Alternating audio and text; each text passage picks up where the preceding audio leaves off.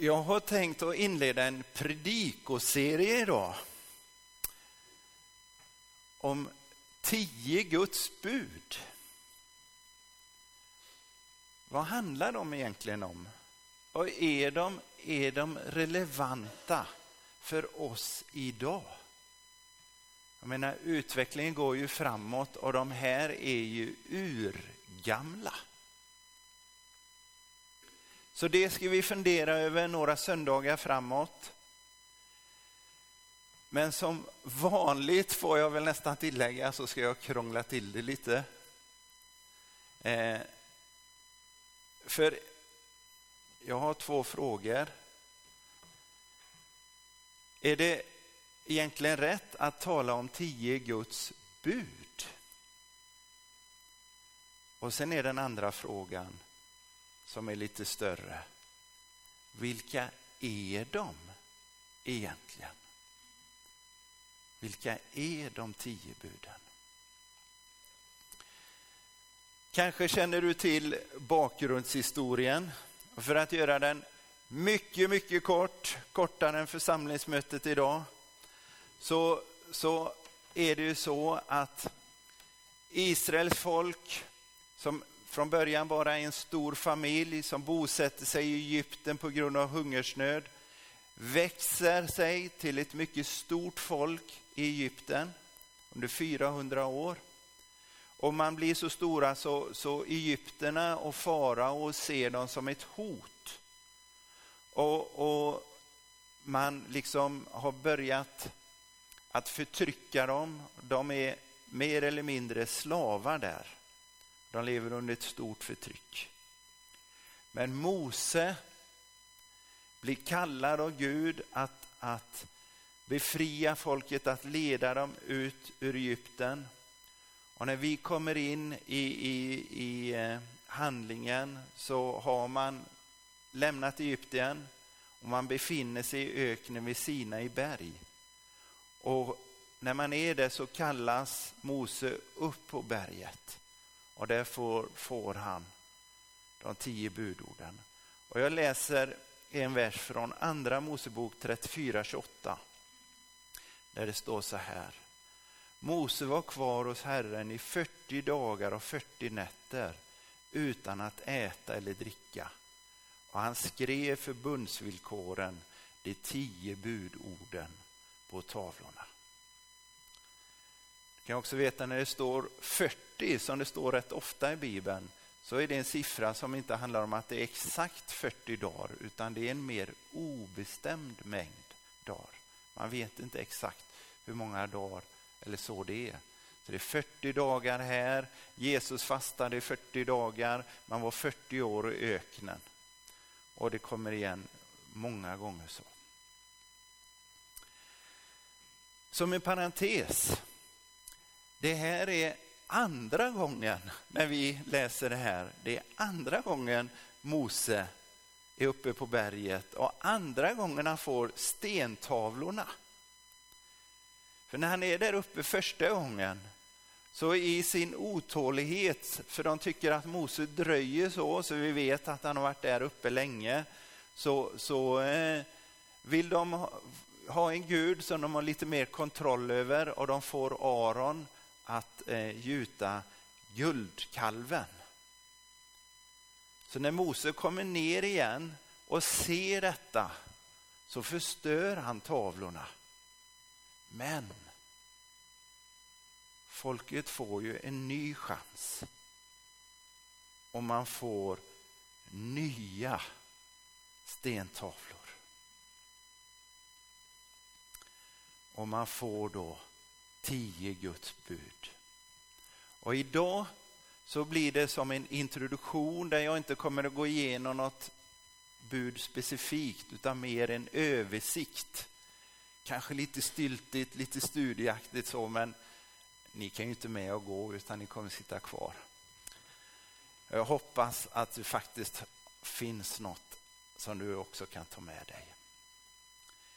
Men varför sa jag att det kanske inte ens ska heta tio Guds bud?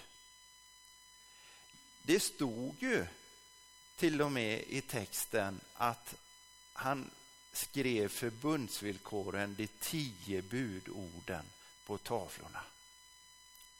Ja, fast ordagrant så står det inte budord. Det står bara ord. Han skrev de tio orden på tavlorna. Och ingenstans i Gamla testamentet så står det ordet bud. Eh, blir det någon skillnad? Ja, alltså när det står enbart ord och inte budord så förstärker det vad det verkligen handlar om. Det handlar om instruktioner för ett ömsesidigt förbund mellan Gud och Israel. Det handlar alltså inte om ett antal morallagar som kommer dimpande ovanifrån för att hålla folket i Herrans tukt och förmaning. Utan det handlar om ett förbund. Alltså, det handlar om att två parter ingår en relation på något sätt. Vi ingår förbund, vi ska relatera till varandra. Vi har ju eh, FN, Förenta Nationerna. Det är ett förbund. Och det finns många olika förbund där man liksom, vi ingår i en relation.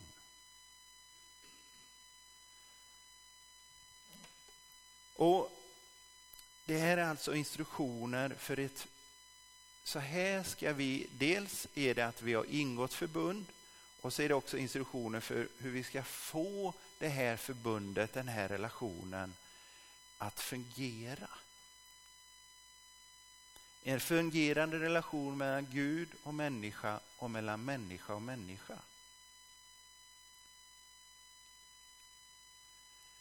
När Jesus får frågan om vilket bud som är det största så svarar han, där hör ni mig säga om och om igen och kommer fortsätta det om och om igen. Du ska älska Herren i Gud med hela ditt hjärta, med hela din själ och med hela ditt förstånd. Detta är det största och första budet. Sedan kommer ett och samma slag. Du ska älska din nästa som dig själv. På dessa båda bud vilar hela lagen och profeterna.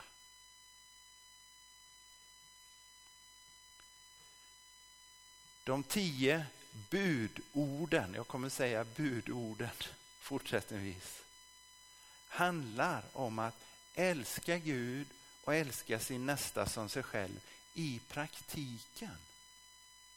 Hur går det till att älska Gud? Hur går det till att älska min nästa? Hur, hur, hur gör jag så det inte blir bara fromma ord utan praktisk handling?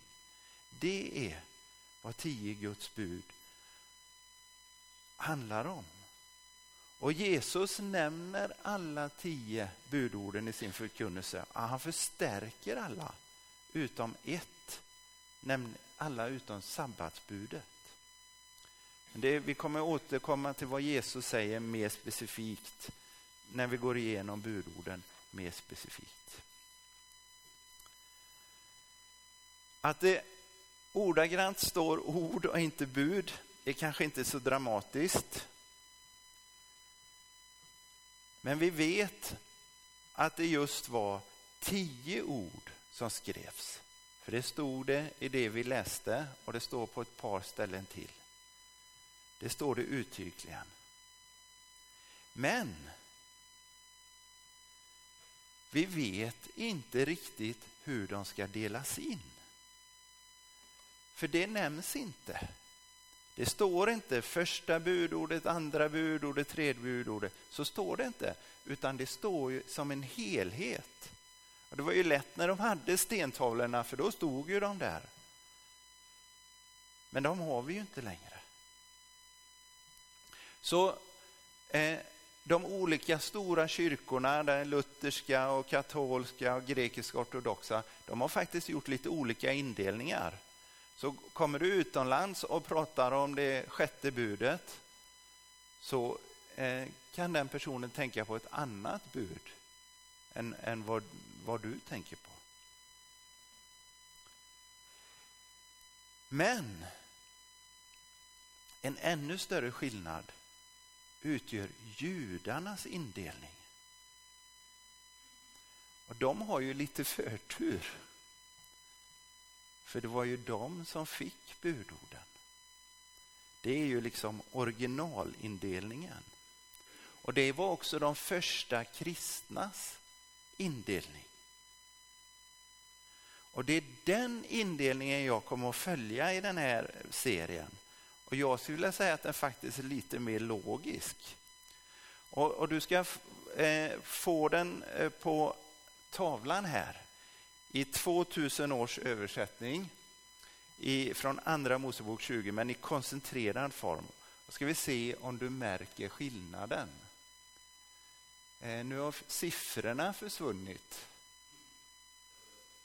Va?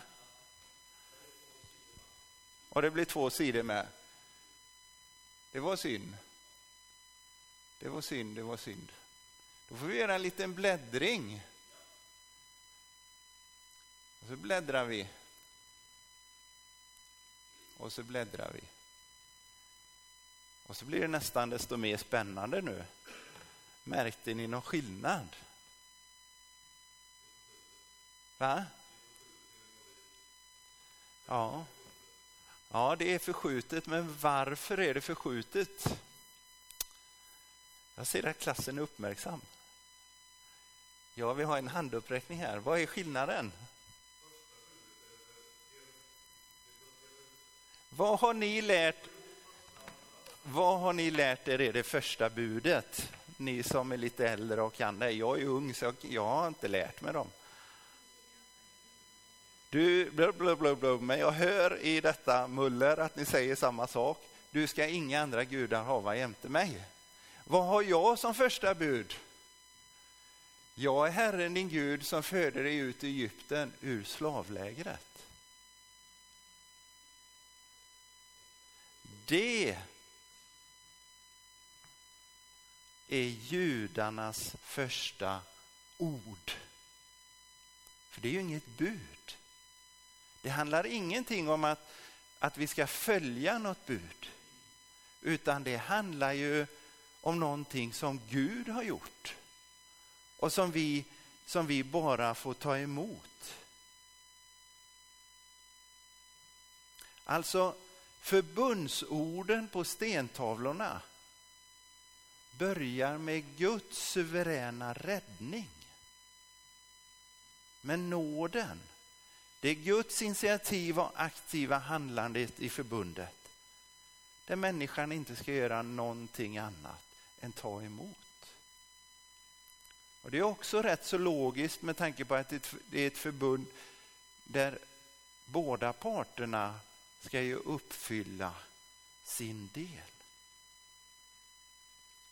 Och jag, jag har inte kunnat läsa mig till någonstans varför det så ofta har kommit bort. En del, ibland kan det ju stå liksom ihop, för, eh, men varför det så ofta kommer bort.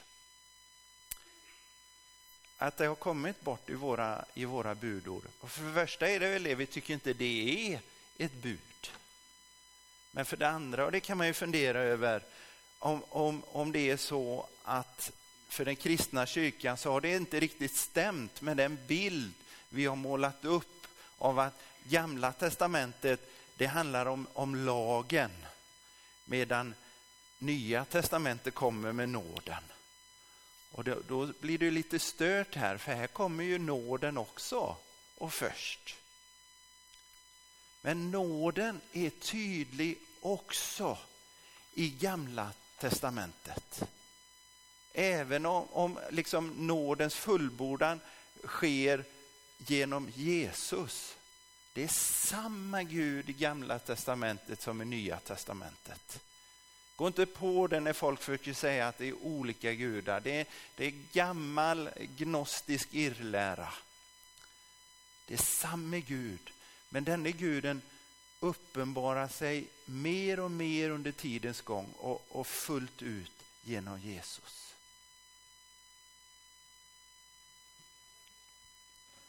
Jag är Herren din Gud som föder dig ut ur slavlägret.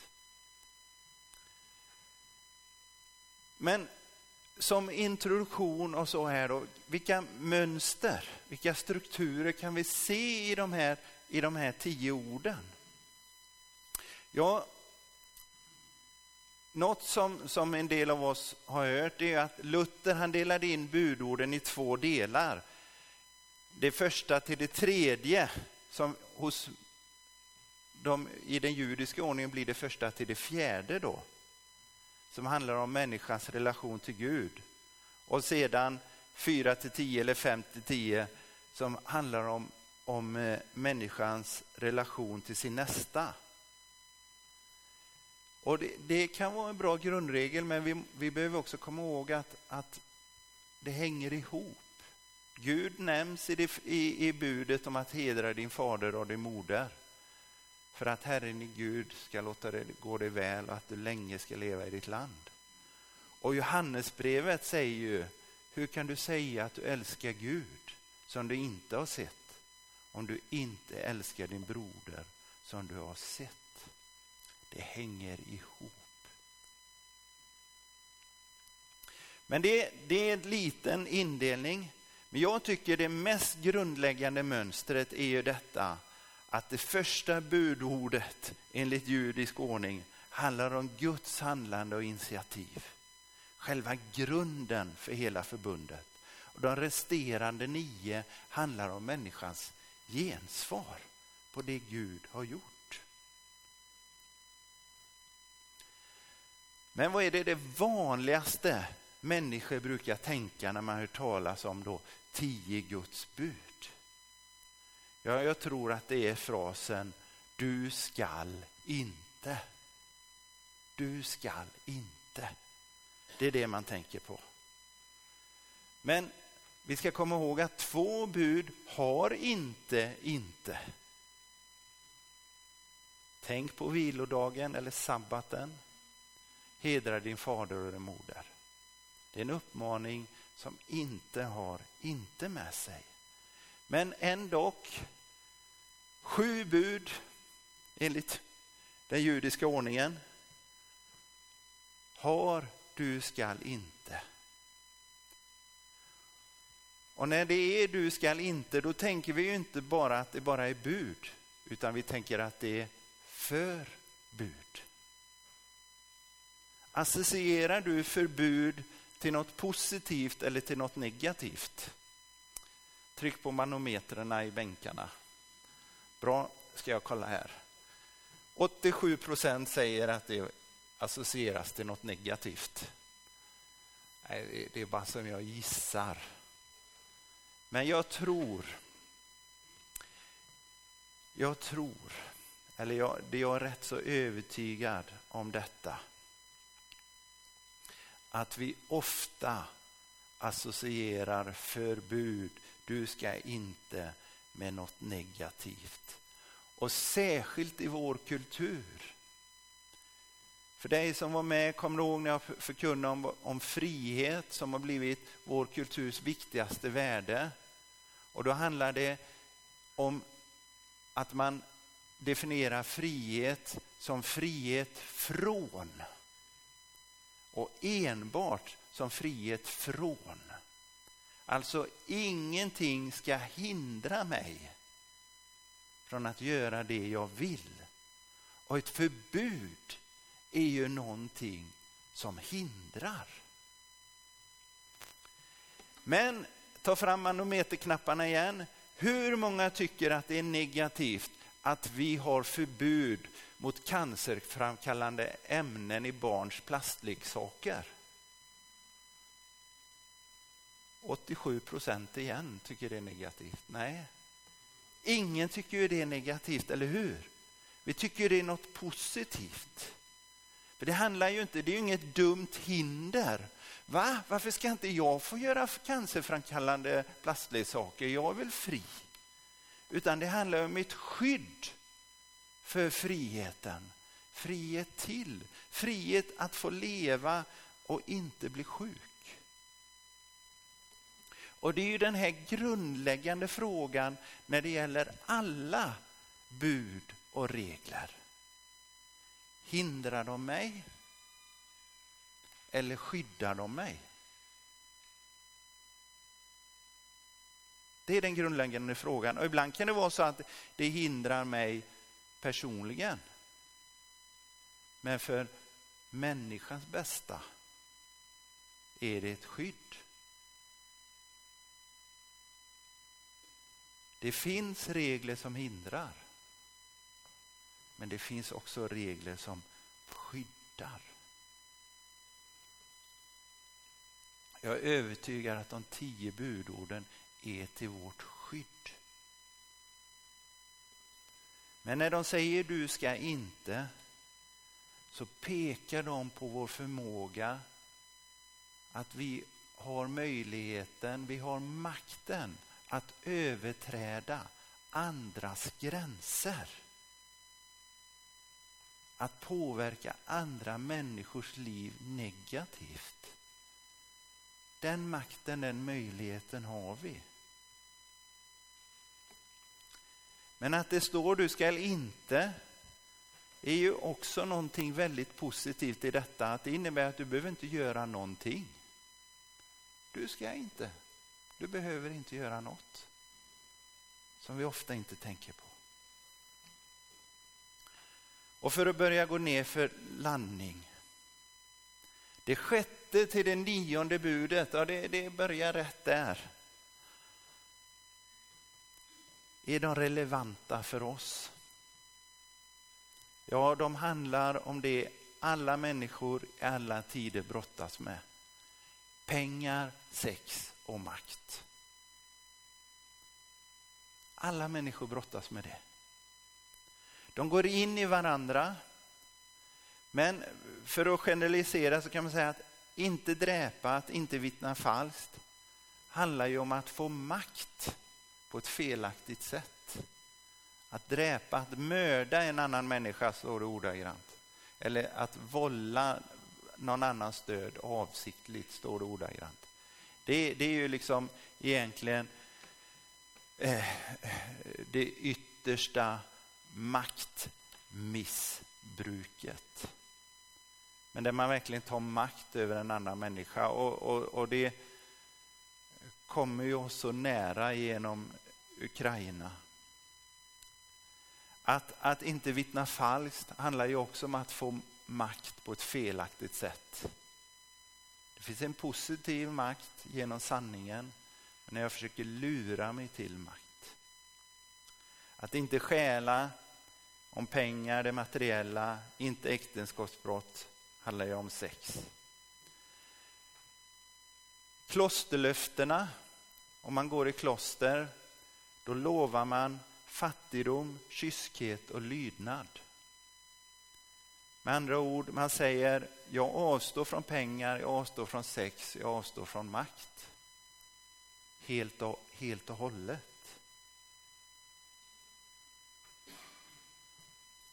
Men budorden uppmanar oss inte till att avstå från pengar, sex och makt.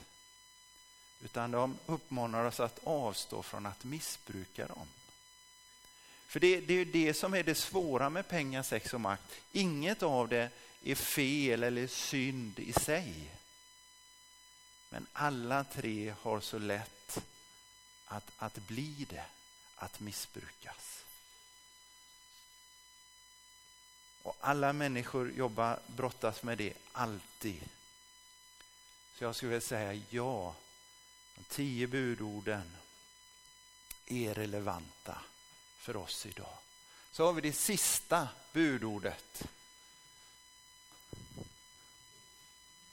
Du ska inte ha begär till din nästas hus, till din nästa töstra, slav eller slavinnans oxe, åsna eller något annat som tillhör din nästa. Det här är ju egentligen en upprepning av de föregående buden. Om pengar, sex och makt. Men medan de föregående talar om själva handlingen så talar det tionde budet i den här uppdelningen om, om roten, själva upphovet till handlingen.